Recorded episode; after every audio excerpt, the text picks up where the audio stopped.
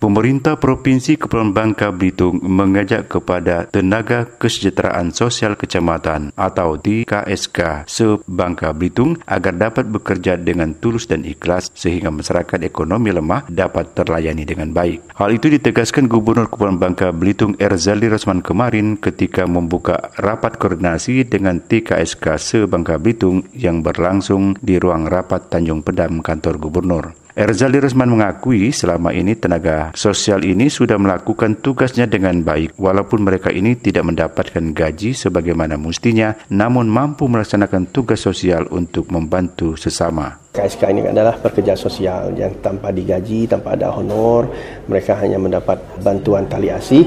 Tapi kita melihat bahwa mitra kita TKSK ini itu uh, aktif melayani masyarakat khususnya bagi masyarakat-masyarakat kita yang berdampak sosial seperti disabilitas, terus orang miskin, orang gila, masyarakat-masyarakat kita yang tentunya perlu mendapatkan perhatian atau pertolongan. Nah, TKSK ini sebagai ujung tombak adalah mitra kita dalam uh, membantu masyarakat jadi masukan-masukan serta harapan-harapan yang diharapkan oleh masyarakat kepada pemerintah, TKSK sangat rutin dan uh, cepat tanggap dalam melayani uh, masyarakat kita.